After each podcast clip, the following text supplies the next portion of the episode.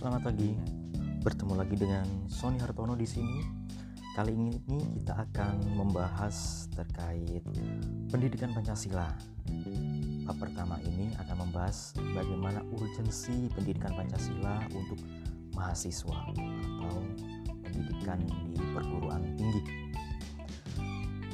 Sejak SD sampai perguruan tinggi, kita sudah mendapatkan pendidikan Pancasila.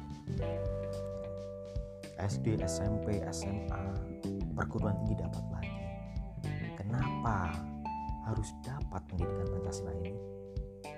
Oke, kita harus tahu ya bahwa Pancasila adalah ideologi bangsa ini.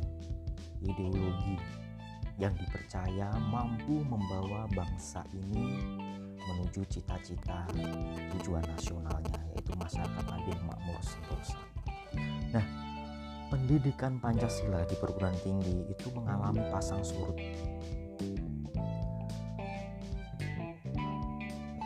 Keadaan tersebut ya itu terjadi karena dasar hukum yang mengatur berlakunya pendidikan Pancasila di perguruan tinggi selalu mengalami perubahan dan persepsi pengembang kurikulum di masing-masing perguruan tinggi berganti-ganti. Lahirnya ketentuan dalam pasal 35 ayat 5 Undang-Undang Nomor 12 Tahun 2012 yang menyatakan bahwa kurikulum pendidikan tinggi wajib memuat kuliah agama, Pancasila, kewarganegaraan, dan bahasa Indonesia menunjukkan bahwa negara berkehendak agar pendidikan Pancasila dilaksanakan dan wajib dimuat dalam kurikulum perguruan tinggi sebagai mata kuliah yang berdiri sendiri.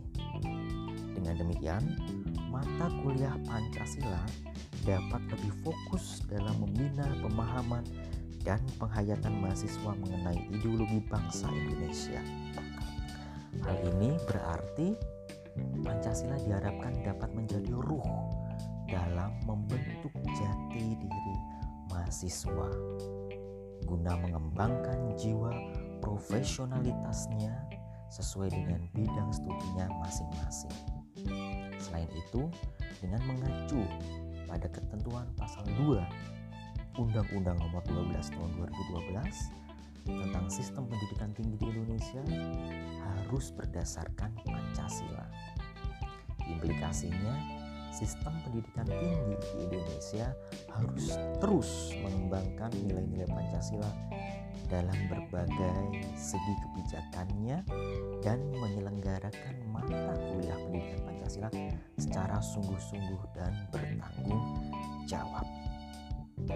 Nah, jadi intinya mahasiswa tetap dan harus mendapatkan pendidikan Pancasila karena itu akan menjadi bekal pondasi eh, dalam nantinya mereka mengembangkan jiwa profesionalitasnya di bidangnya masing-masing. Sehingga ketika nanti berkarir ya dia akan ingat ya dalam berkarir itu tidak semata-mata untuk kepentingannya pribadi tapi berkarir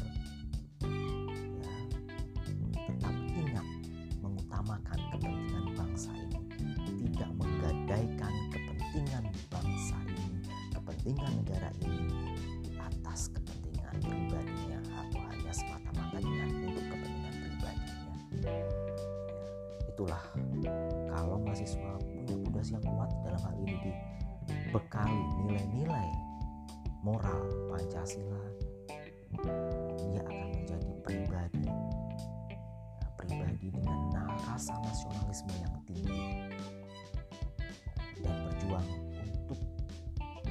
mewujudkan tujuan nasional bangsa ini di bidangnya masing-masing.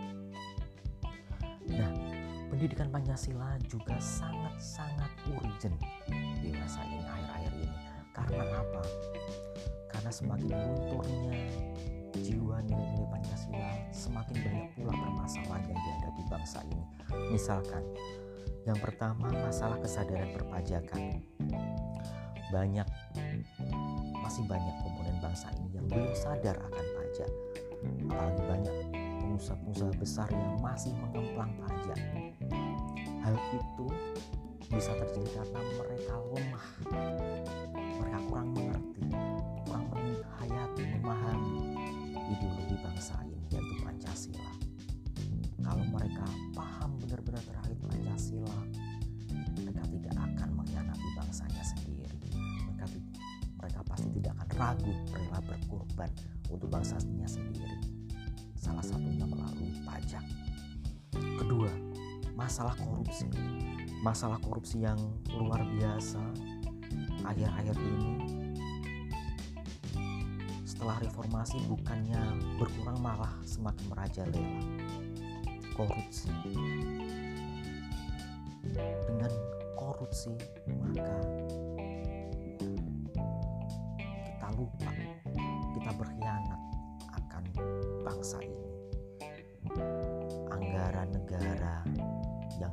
seharusnya bisa untuk membangun, bisa seharusnya untuk orang-orang yang butuh butuh fasilitas kesehatan, fasilitas pendidikan. Kalau dikorupsi, tentunya hasil korupsi itu hanya akan mengalir di kantong kantong segelintir oknum saja. Kalau oknum-oknum itu tahu punya pondasi yang kuat terkait Pancasila tidak akan dia tega berbuat seperti itu pada sesamanya. Dia tidak akan tega korupsi, mengkorupsi anggaran negara hanya untuk kepentingan pribadinya. Masalah yang lain adalah masalah lingkungan. Kok bisa lingkungan berhubungan dengan Pancasila? Bisa. Seringkali kita tidak ingat ya, bahwa bangsa ini, negara ini harus didukung dengan lingkungan, lingkungan hidup yang bagus, yang sustain, yang berkelanjutan demi anak cucu kita nanti. Kadang-kala kita lupa, atau bahkan sering kali kita lupa bahwa sumber daya alam yang ada saat ini kita keruk habis-habisan, kita eksploitasi habis-habisan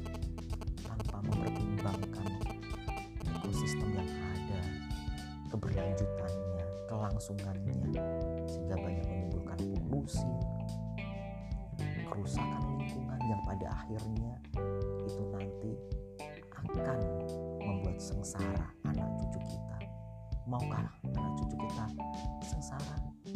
Oleh karena itu, kita harus memahami ya, untuk mewujudkan tujuan nasional yang dicita-citakan oleh bangsa ini tentunya kita tidak boleh melupakan sisi lingkungan, lingkungan hidup. Jika kita menjaganya, merawatnya dan melestarikannya, tentunya anak cucu kita akan bisa mendapatkan manfaat yang optimal dari sumber daya alam yang kita miliki. Keempat, masalah lainnya adalah masalah disintegrasi bangsa. Masalah disintegrasi bangsa ini luar biasa. Ya tantangannya. Tantangannya akhir-akhir ini kita diuji bagaimana bangsa kita masih bisa bersatu dalam suatu negara. Kita masih bisa merasa menjadi satu bangsa. Isu-isu separatisme isu-isu kedaerahan isu ego kedaerahan itu jangan sampai ada dalam diri kita kita harus percaya bahwa bangsa ini bisa besar, negara ini bisa besar mencapai tujuan nasionalnya jika kita bersatu, tidak terpecah belah menjadi bagian-bagian yang kecil. Masalah selanjutnya adalah dekadansi moral. Moral. Indonesia sudah mengalami darurat dekadansi moral banyak hal-hal di era globalisasi ini yang susah sulit disaring oleh teknologi yang ada melainkan hanya bisa disaring oleh masing-masing individu itu sendiri. Bagaimana kita menyaring informasi menyaring informasi yang baik yang mana yang buruk yang mana yang sopan yang mana yang gak sopan yang mana. Yang melanggar norma asusila di mana kita harus bisa menyaring diri menyaring dalam diri kita sendiri. Oleh karena itu kita perlu bekal nilai-nilai Pancasila. Kemudian masalah narkoba.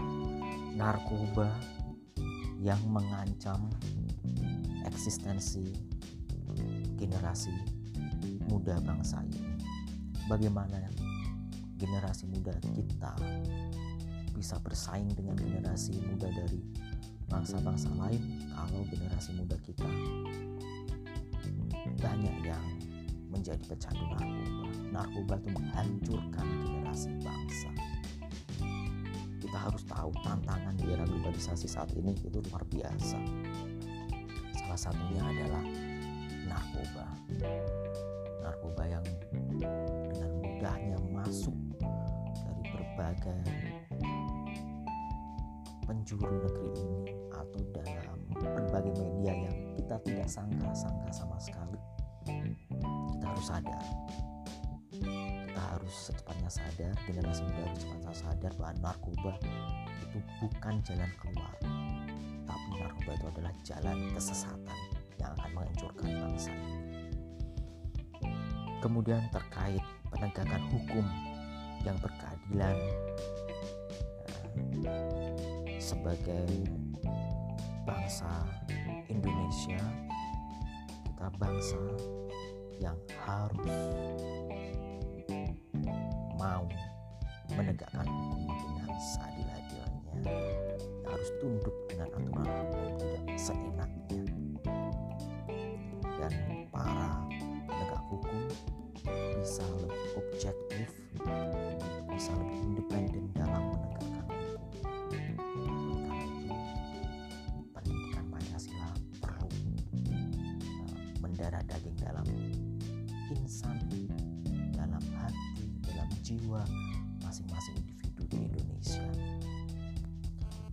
terorisme.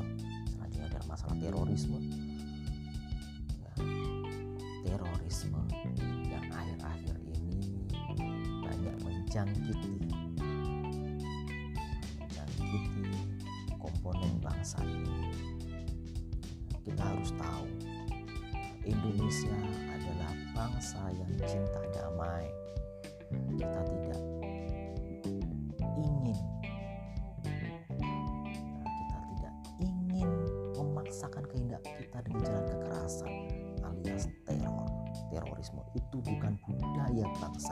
Indonesia itulah yang harus kita lawan kita hapuskan.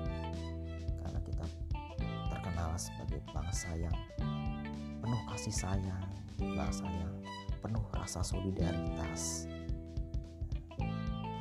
Dan kita tidak mau anak-anak muda Indonesia terpapar terorisme ataupun radikalisme. Ya. Dan uh, tentunya dengan pendidikan Pancasila ini kita harus ingat posisi kita dalam era globalisasi saat ini. Yaitu bahwasannya globalisasi itu di satu sisi membawa manfaat di satu sisi membawa tantangan atau ancaman. Seperti yang dikatakan oleh Kenichi Ohmae pengarang buku The End of the Nation State.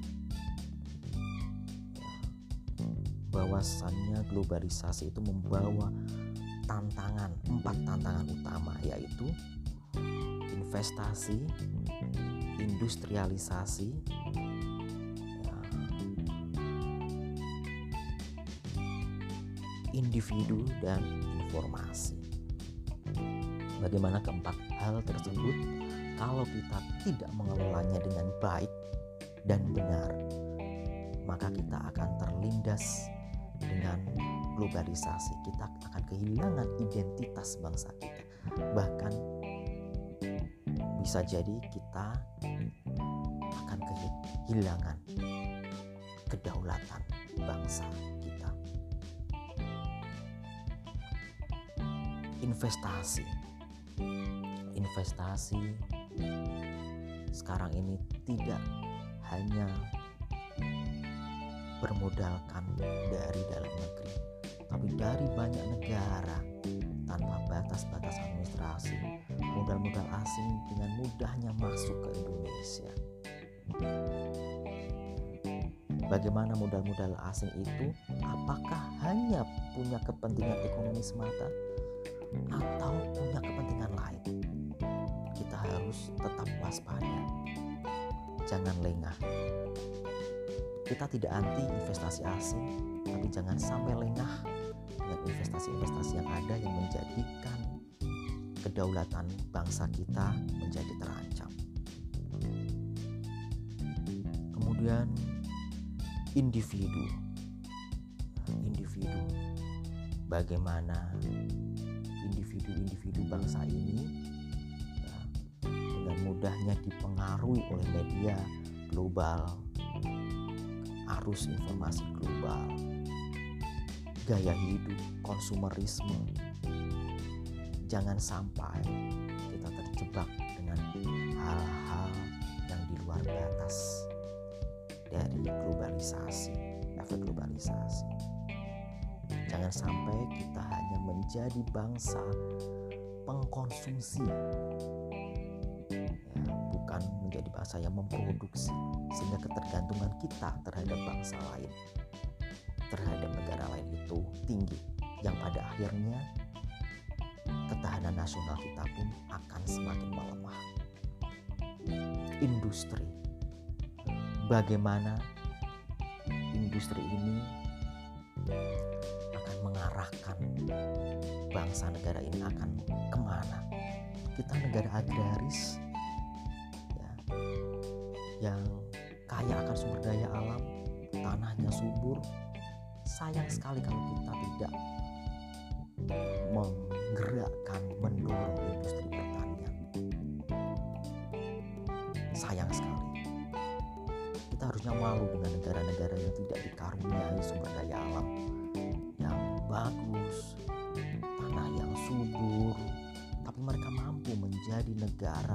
produsen produk-produk pertanian nomor satu di dunia. Bahkan kita swasembada bahan pokok saja belum mampu. Sangat ironis.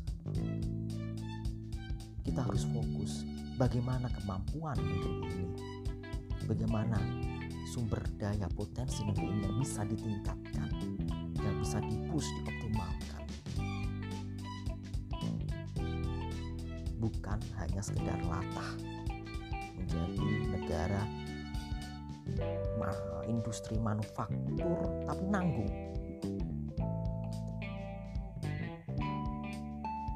Ya, ini akan menjadi PR kita semua.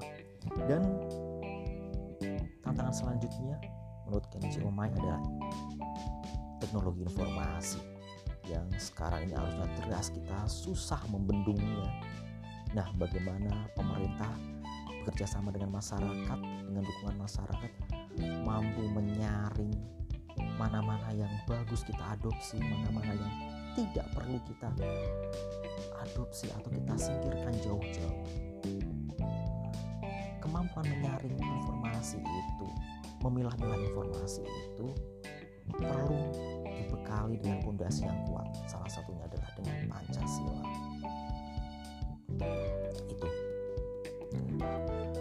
Dan kemudian eh, pendidikan Pancasila di perguruan tinggi mengalami pasang surut eh, seperti di awal tadi karena berbagai macam perubahan eh, peraturan atau dasar hukum yang mendasari pendidikan Pancasila di perguruan tinggi.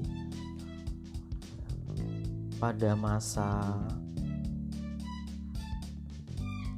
pada masa orde lama dulu ya Pancasila ini uh, Pancasila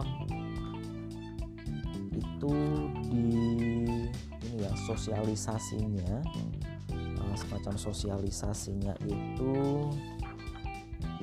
di dengan menerbitkan dengan menerbitkan buku uh, oleh Departemen P dan K yang berjudul Manusia dan Masyarakat Baru Indonesia.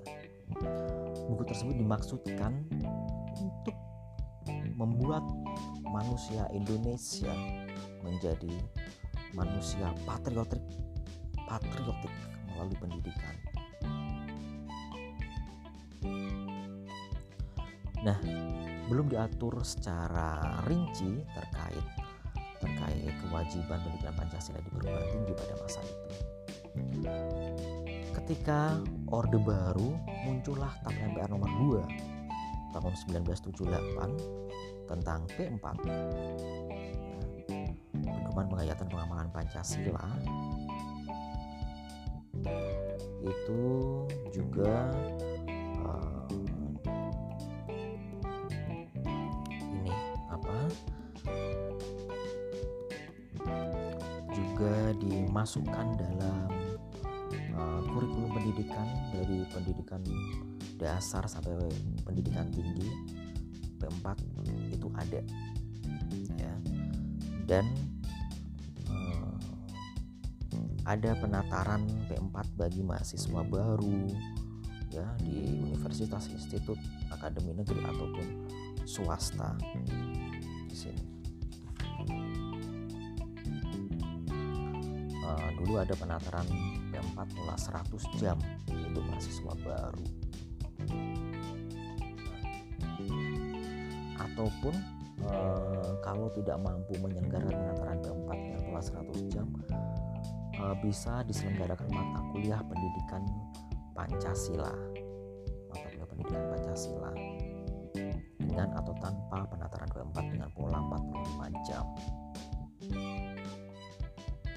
Atau ada pula yang sudah melakukan penataran P4 100 jam. Ada pula mata kuliah pendidikan Pancasila. Ada beberapa perguruan tinggi yang melakukan hal seperti itu.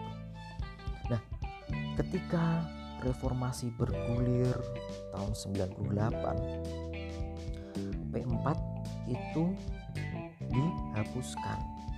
Ya TAP MPR nomor 2 tahun 78 dicabut. Ya dan penataran P4 sudah tidak ada lagi di semua jenjang pendidikan.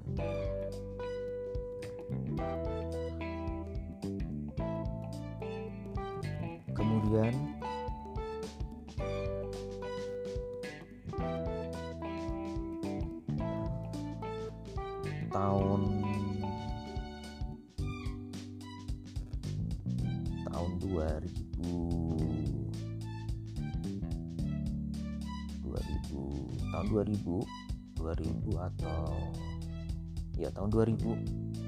saat pemerintahannya Presiden Abdul Rahman Wahid Gus Dirjen Dikti mengeluarkan kebijakan yang memperkokoh keberadaan dan menyempurnakan penyelenggaraan mata kuliah pendidikan Pancasila. Ya, jadi uh, semakin kuat kedudukan mata kuliah pendidikan Pancasila di perguruan tinggi.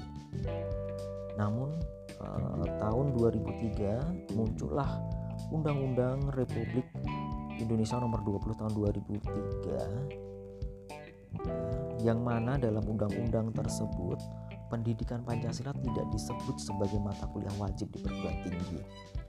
Sehingga beberapa universitas menggabungkannya dengan pendidikan kewarganegaraan.